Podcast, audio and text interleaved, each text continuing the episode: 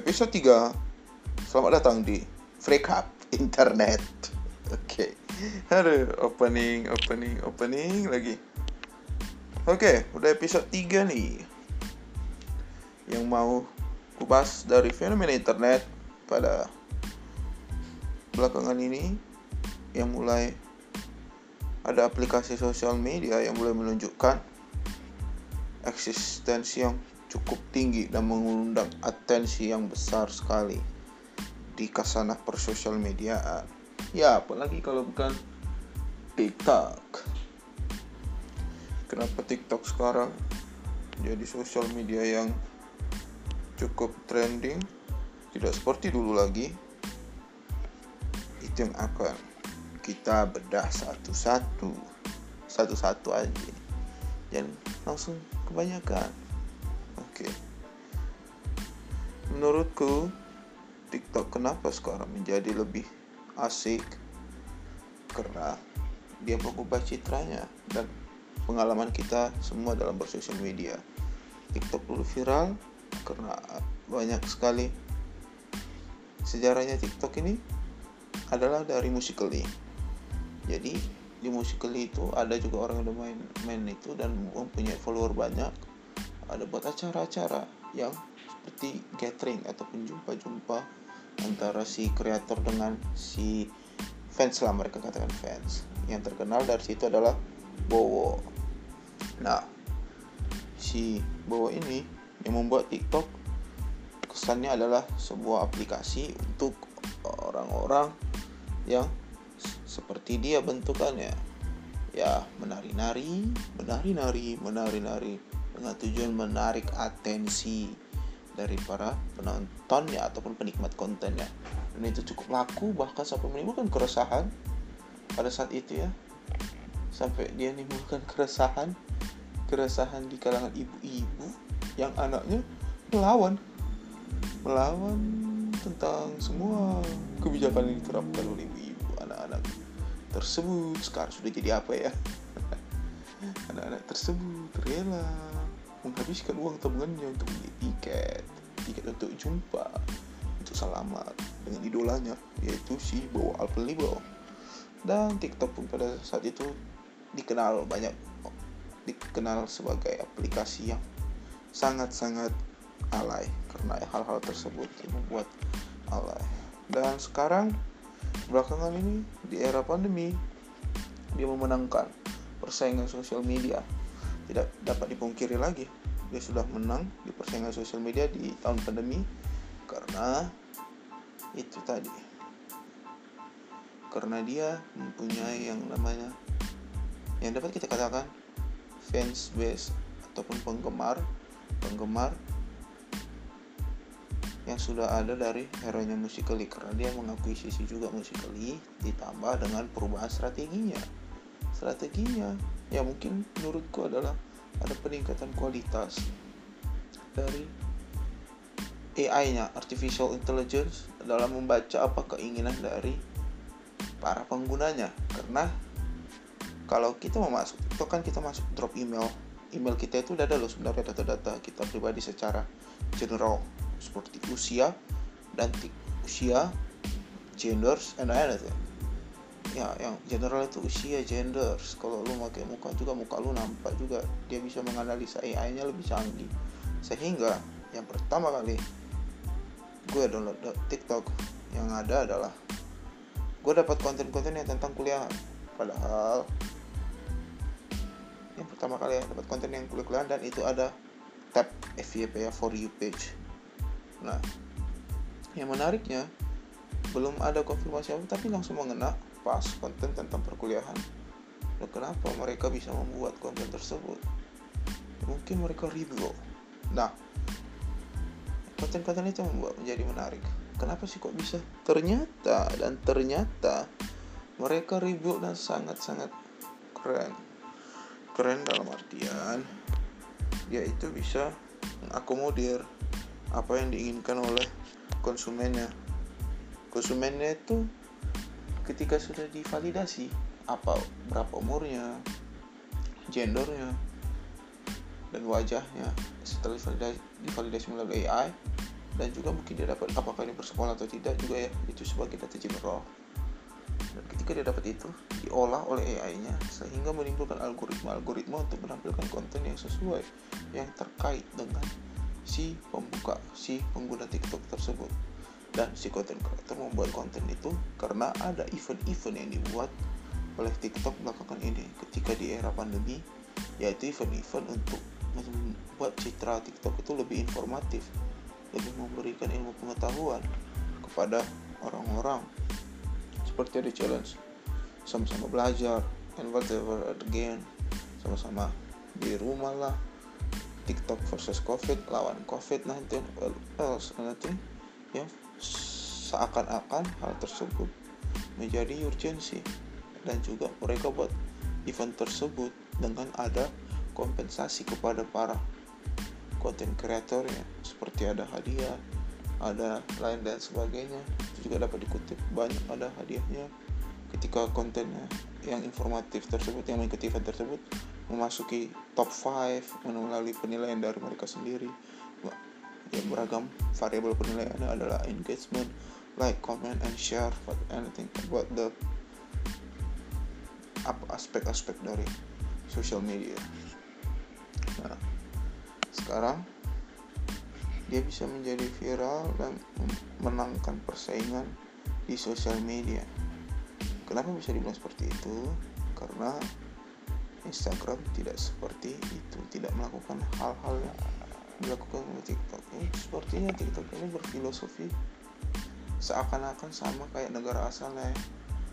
Negara asalnya ideologinya komunis, sementara dia mengsemiotikan ataupun membuat citra TikTok itu seperti milik bersama gitu jadi kan kalau filosofi komunis semua satu semua setiap atau atau produksi adalah milik bersama sementara TikTok dibuat citra yang seperti itu seperti seakan-akan semua konten yang di sini adalah milik bersama milik konten kreator dan juga milik sang penikmat konten tersebut. Dan satu lagi keunggulannya dari TikTok adalah TikTok itu bisa memakai free use songs. Nggak ada namanya lagu ini tidak tersedia di daerah anda. And anything kayak buka Instagram lagu ini tidak tersedia di daerah anda. Itu ada lagu lagu-lagu yang memang dilarang peredaran karena di Instagram. Entah apa sistemnya dipakai mungkin ada ads itu yang mempengaruhi peredaran lagu. Sementara di TikTok itu lagunya free to use. Dan mereka mengambil uang iklannya tidak dari v ads video yang sedang berlangsung. Justru ads set di awal membuka aplikasi dan di tab for you. Yang lagu ya itu pokoknya mereka bisa menciptakan sistem. Lagu-lagu itu nggak ada lagi hak ciptanya. Bukan nggak ada lagi hak cipta maksudnya bisa digunakan bebas di platform TikTok. Itu yang bisa menangkannya. Dan juga ketika hal-hal tersebut yang diinginkan oleh konsumen sudah terpenuhi ya jelas. Tinggal menunggu saja viralnya kapan jadi ibarat kata ketika membuat konten konten-konten yang kenapa nggak bisa nggak seperti dulu lagi yang kayak ala-ala itu karena ada peran pentingnya si pembuat kon si aplikator. Aplikator ini buat kompetisi ibarat kata dia buat dari hashtag. Ketika lo ikutin hashtagnya ya lo di sama dia. Jadi seakan-akan aplikator ini ngefamousin lo juga. Tapi ya sebenarnya tujuannya adalah untuk memperbaiki konten-kontennya. Jadi kalau orang-orang yang pemain lama di TikTok merasa rasa karena pemain baru ya memang tujuannya itu untuk memperbaiki kontennya yang ada di Indonesia. Supaya brandingnya jelas benar. Brandingnya adalah TikTok itu sebagai media informasi. Ya gue juga dapat banyak informasi ya dari platform sosial media yang satu ini. Gak tahu kenapa baru download tuh, langsung konten yang disajikan adalah konten tentang mahasiswa itu tidak membantu kerjaan kerjaan kayak membuat mereview jurnal membuat skripsi lebih ringkas lebih pada bisa gue ngelihat konten kreator yang yang gue butuhin. Guys sesuai preference. Mungkin kalau AI nya lebih pintar lagi gila sih. AI yang lebih ter dari kelas pekerja dapat konten kreator tentang bimbingan pekerja dan juga si konten kreator merasa terbantu dengan kebijakan aplikator yang mendukung ada event-event yang juga eventnya di ada hadiahnya dan menjadi acuan lah. Jadi ketika jadi yang bisa kita pelajarin dari apa yang membuat dia viral itu adalah kerjasama antara aplikator konten kreator untuk memuaskan user si pemakai ataupun si penikmat konten dan membuat kesan bahwasanya konten yang ada di TikTok ini adalah milik semua milik konten kreator dan milik si pem, penikmat konten untuk kemaslahatan bersama dan juga aplikator sebagai penyedia itu sebagai wadahnya jadi apakah tren ini bisa bertahan? Sangat bisa sekali, apalagi belakangan ini semakin gak karu-karuan, apalagi Instagram Explore nya gak karu-karuan. Bisa kita lihat di Indonesia merebak Explore Instagram sebagai iklannya TikTok. Ya TikTok yang beriklan secara gratis di situ karena banyak pengguna Instagram yang drop video yang berwatermark TikTok udah selesai Instagram kalau gini-gini terus ya explore di habisin sih ibarat kata udah disetubuhin di fuck sampai habis-habisan sampai nggak nggak nggak ngapa nggak bakal menang juga sih. Karena konten-konten videonya beda men. Esensi berbeda esensi dan juga ya Instagram menang cuma di foto memang benar. Filosofinya Instagram itu adalah untuk sharing foto dari awal. Ketika untuk sharing video di ekspor ekspor videonya ya ampun semuanya watermark TikTok semuanya udah. Ibarat kata kalau lo gue nyari Instagram lo bukan nyari TikTok. Kalau ke ekspor ya justru yang muncul TikTok lagi bagus. Langsung tap langsung download aplikasinya langsung daripada buka Instagram muncul video-videonya. Ya, bila perlu nih gue punya cara buat Instagram nih. Udah lu hapus aja deh. Kebijakan di ekspor lu gak usah lagi. Banyak bisa drop MP4 video. Udah langsung drop gambar aja. Kan esensinya kan gambar. Di Instagram menangnya microblogging gambar yang estetik. Dan juga satu lagi kesalahan Instagram itu nggak pernah ada event yang semasif kayak yang ada di TikTok ya kayak nggak ada ngehargain. Ya meskipun baru baru, baru belakangan ini mendeng gue denger ada perkembangan baru dari Instagram yaitu bisa membuat ada AdSense di Instagram TV justru AdSense itu yang bikin orang makin mubat makin kagak mau lagi buka aplikasi lu aplikasi lu seakan-akan ya vital banget dari untung dari pemakai pada kalau di TikTok padahal iklannya itu cuma ada di for you dan itu di tab for you page dan enggak muncul terus. Sementara kalau di IGTV lu taruh ads orang makin males nonton IGTV Instagram. Ya layaknya sih lebih bagus dibuat kompetisi. Eh tapi juga sih ya mungkin berbeda pandangan bisnis. Karena Instagram merasa menguntungkan konten kreatornya mungkin maybe ya dan juga konten kreator di Instagram juga malas untuk ngebuat ngebuat kayak gitu video. Ya ya paling banyak yang buat video. Meskipun watermark kita kayak udah dilepasin diposting aja di Instagram selagi masih bisa. Dan juga Instagram udah ngeluarin reels efeknya belum se booming TikTok juga. Dan kalau kita analisa reels itu adalah bentuk ATM-nya Instagram terhadap TikTok. Dan keberhasilannya belum bisa diuji. Karena menangnya TikTok itu adalah di AI untuk menentukan algoritma apa yang diinginkan oleh konsumennya. Itu nggak bisa sih disamain. Itu adalah terlibat engineer-engineer IT yang sangat piawai untuk menyusun hal tersebut menjadi kenyataan. Nah, jadi ternyata yang kita ketemukan keanehan di internet semakin lama semakin mengandalkan AI. Jangan heran ketika kita membuka iklan, iklannya terkesan sangat dekat sekali dengan kita padahal meski misalnya kita masih mikirin sesuatu tapi kenapa bisa karena itu adalah bentuk AI yang sudah cukup canggih yang bisa membaca pola-pola dari pola-pola yang berdasarkan apa yang diketik. Yang diketik juga bisa dibaca sebenarnya. Melalui search engine. Apa yang most valuable yang paling sering dicari oleh si pengguna sosial media. Jadi itu AI memenangkan segalanya dan ke dan niat dari aplikator ataupun platform untuk memperbaiki diri. Ya, kalau Instagram begini-begini terus ya jangan heran kalau Instagram justru jadi papan iklan berjalannya TikTok. Ibarat kata macam dikencingin udah udah macam udah ya tinggal lagi itu aja. Aleh, Instagram. Tempat iklan gue tuh udah TikTok ngomong gitu juga nggak apa-apa bisa TikTok ngomong gitu. Aja ah lo Instagram ya? Ya udah tempat iklan gue lo aduh, aduh tempat iklan ya ekspor isinya semua watermarknya itu oh my god. Hah, itu hasanah dunia persosial mediaan ya.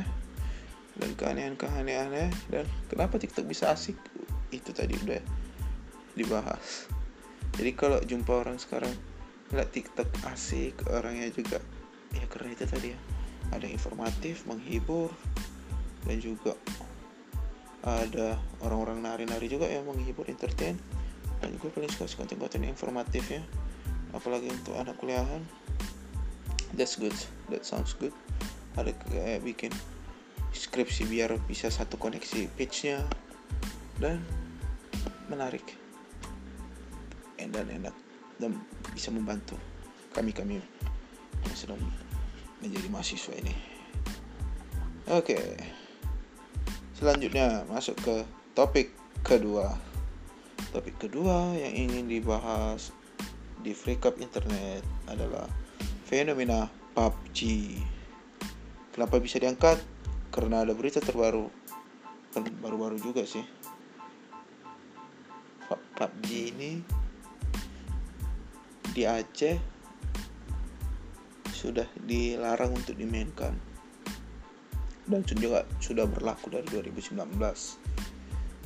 tapi masih ada keluhan dari para pembuat apa ada kelu masih ada beberapa keluhan di ulama ya masih ada keluhan-keluhan dari ulama Aceh.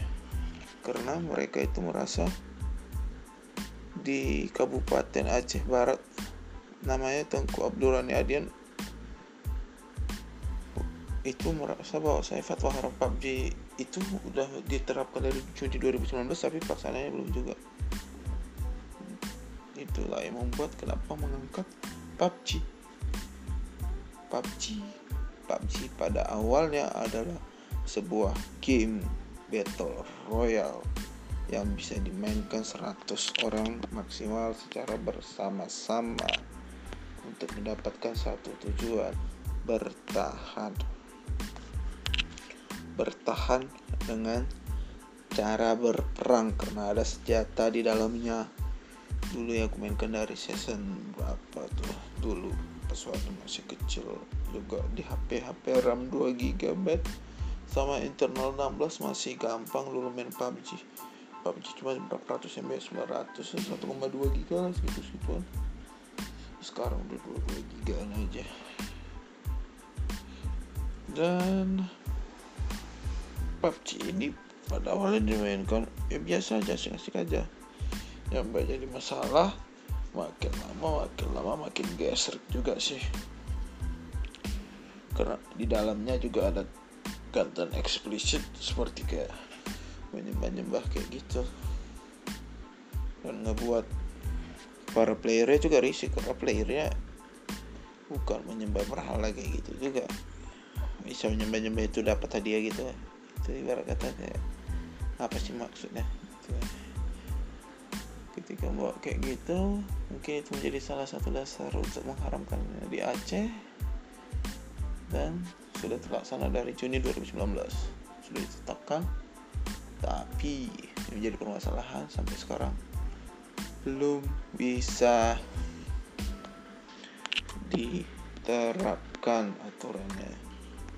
Nah, kenapa belum bisa diterapkan aturannya karena satu dan lain hal menurutku ini dapat mengguncang setiap orang mengguncang pikirannya sih. Pertama dalam keadaan apa dia bisa ditangkap bermain sementara ini ada smartphone dan ketahuan seperti apa? Ketahuannya itu bagaimana? Apakah polisi melihat langsung atau dilaporkan sama warga? Tata cara pelaporan nama warganya gimana? Apakah divideokan dulu? Apakah videonya harus jelas? Nampak dia mainnya jadi menurutku ini aturannya sangat butuh pengawalan ketat untuk melaksanakannya. Karena aturannya sangat bisa bersifat pribadi seperti ketika anda bermain PUBG di ruang kosong sendirian di tempat pribadi anda apakah itu bisa ditangkap? Kan ya nggak bisa. Mungkin yang hanya bisa kelihatan oleh para pegawai para instansi yang berhak menindaklanjuti hal tersebut. Dan juga ketika diharamkan para player juga ya harus mengikuti yang ada di Aceh sana. Ya meskipun pada awalnya ini game untuk asik-asikan tapi menurut semakin lama semakin ada juga yang menjengkelkan seperti yang apa udah dibilang tadi.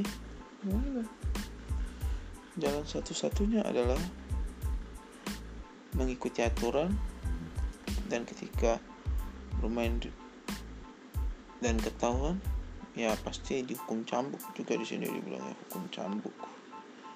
Bayangin gara-gara kan lucu banget ditanya orang lu kenapa bisa kena hukuman cambuk boy? Iya boy ketahuan main PUBG ya elah ketahuan main PUBG gue kena cambuk. Ya mau gimana lagi itu juga udah aturan ketika ada aturan aturan mestinya harus ditegakkan. Tapi mungkin aja juga dari dalam penerapan penerapan harus sesuai sama situasi dan kondisi juga sih. Dan mungkin ini akan menjadi perhatian juga bagi banyak orang. Ya gimana juga punya cara nangkep orang yang main PUBG itu ruang pribadi gak bisa juga nggak ada saksi. Mungkin yang ketahuan aja sama orang-orang. Dan juga ada bukti otentiknya mungkin berupa foto dan dikasih yang ada di Aceh. Ya udah. Ya, kalau main PUBG udah. Gitu aja. Main di ruang pribadi juga. Eh kalau ada yang lihat sekelat sekelat sekelat sekelebat ya udah. Tinggal berdoa aja nggak difoto untuk melakukan pelaporan. Hmm, ditanya kenapa dicambuk jawabannya gara-gara main PUBG kan? Ya gimana dong melanggar aturan juga ya kalau mau dilakukan penerapan aturan yang ini yang baik dan benar ya memang harus ada kerjasama antara instansi kepolisian ataupun yang terkait yang lainnya untuk menindaklanjuti ataupun merazia lah istilahnya. Di tempat-tempat umum mungkin nggak dan polisi juga nggak bisa juga merazia di tempat-tempat ruang pribadinya masyarakat kan? Itu terserah. Tapi kalau udah difatwakan lebih baik untuk diikuti sebuah aturan yang sudah legal yang sudah inkrah di Aceh sana. Oke okay, have a nice time. Friend-friend yang ada di Aceh sana. Mie Aceh is the best boy. Mie Aceh mie Aceh rasanya mantap. Bumbunya bumbu. Oh, oke. Okay. the best. Apalagi kalau udah orang yang masak. Itu dari Aceh langsung sama udah berpengalaman ini pasti enak sih. Dan setelah sekian lama kita sudah berbincang. Kok kita? Gue sih sebenarnya. Gue udah mau memaparkan keanehan-keanehan di internet yang pertama soal kenapa TikTok bisa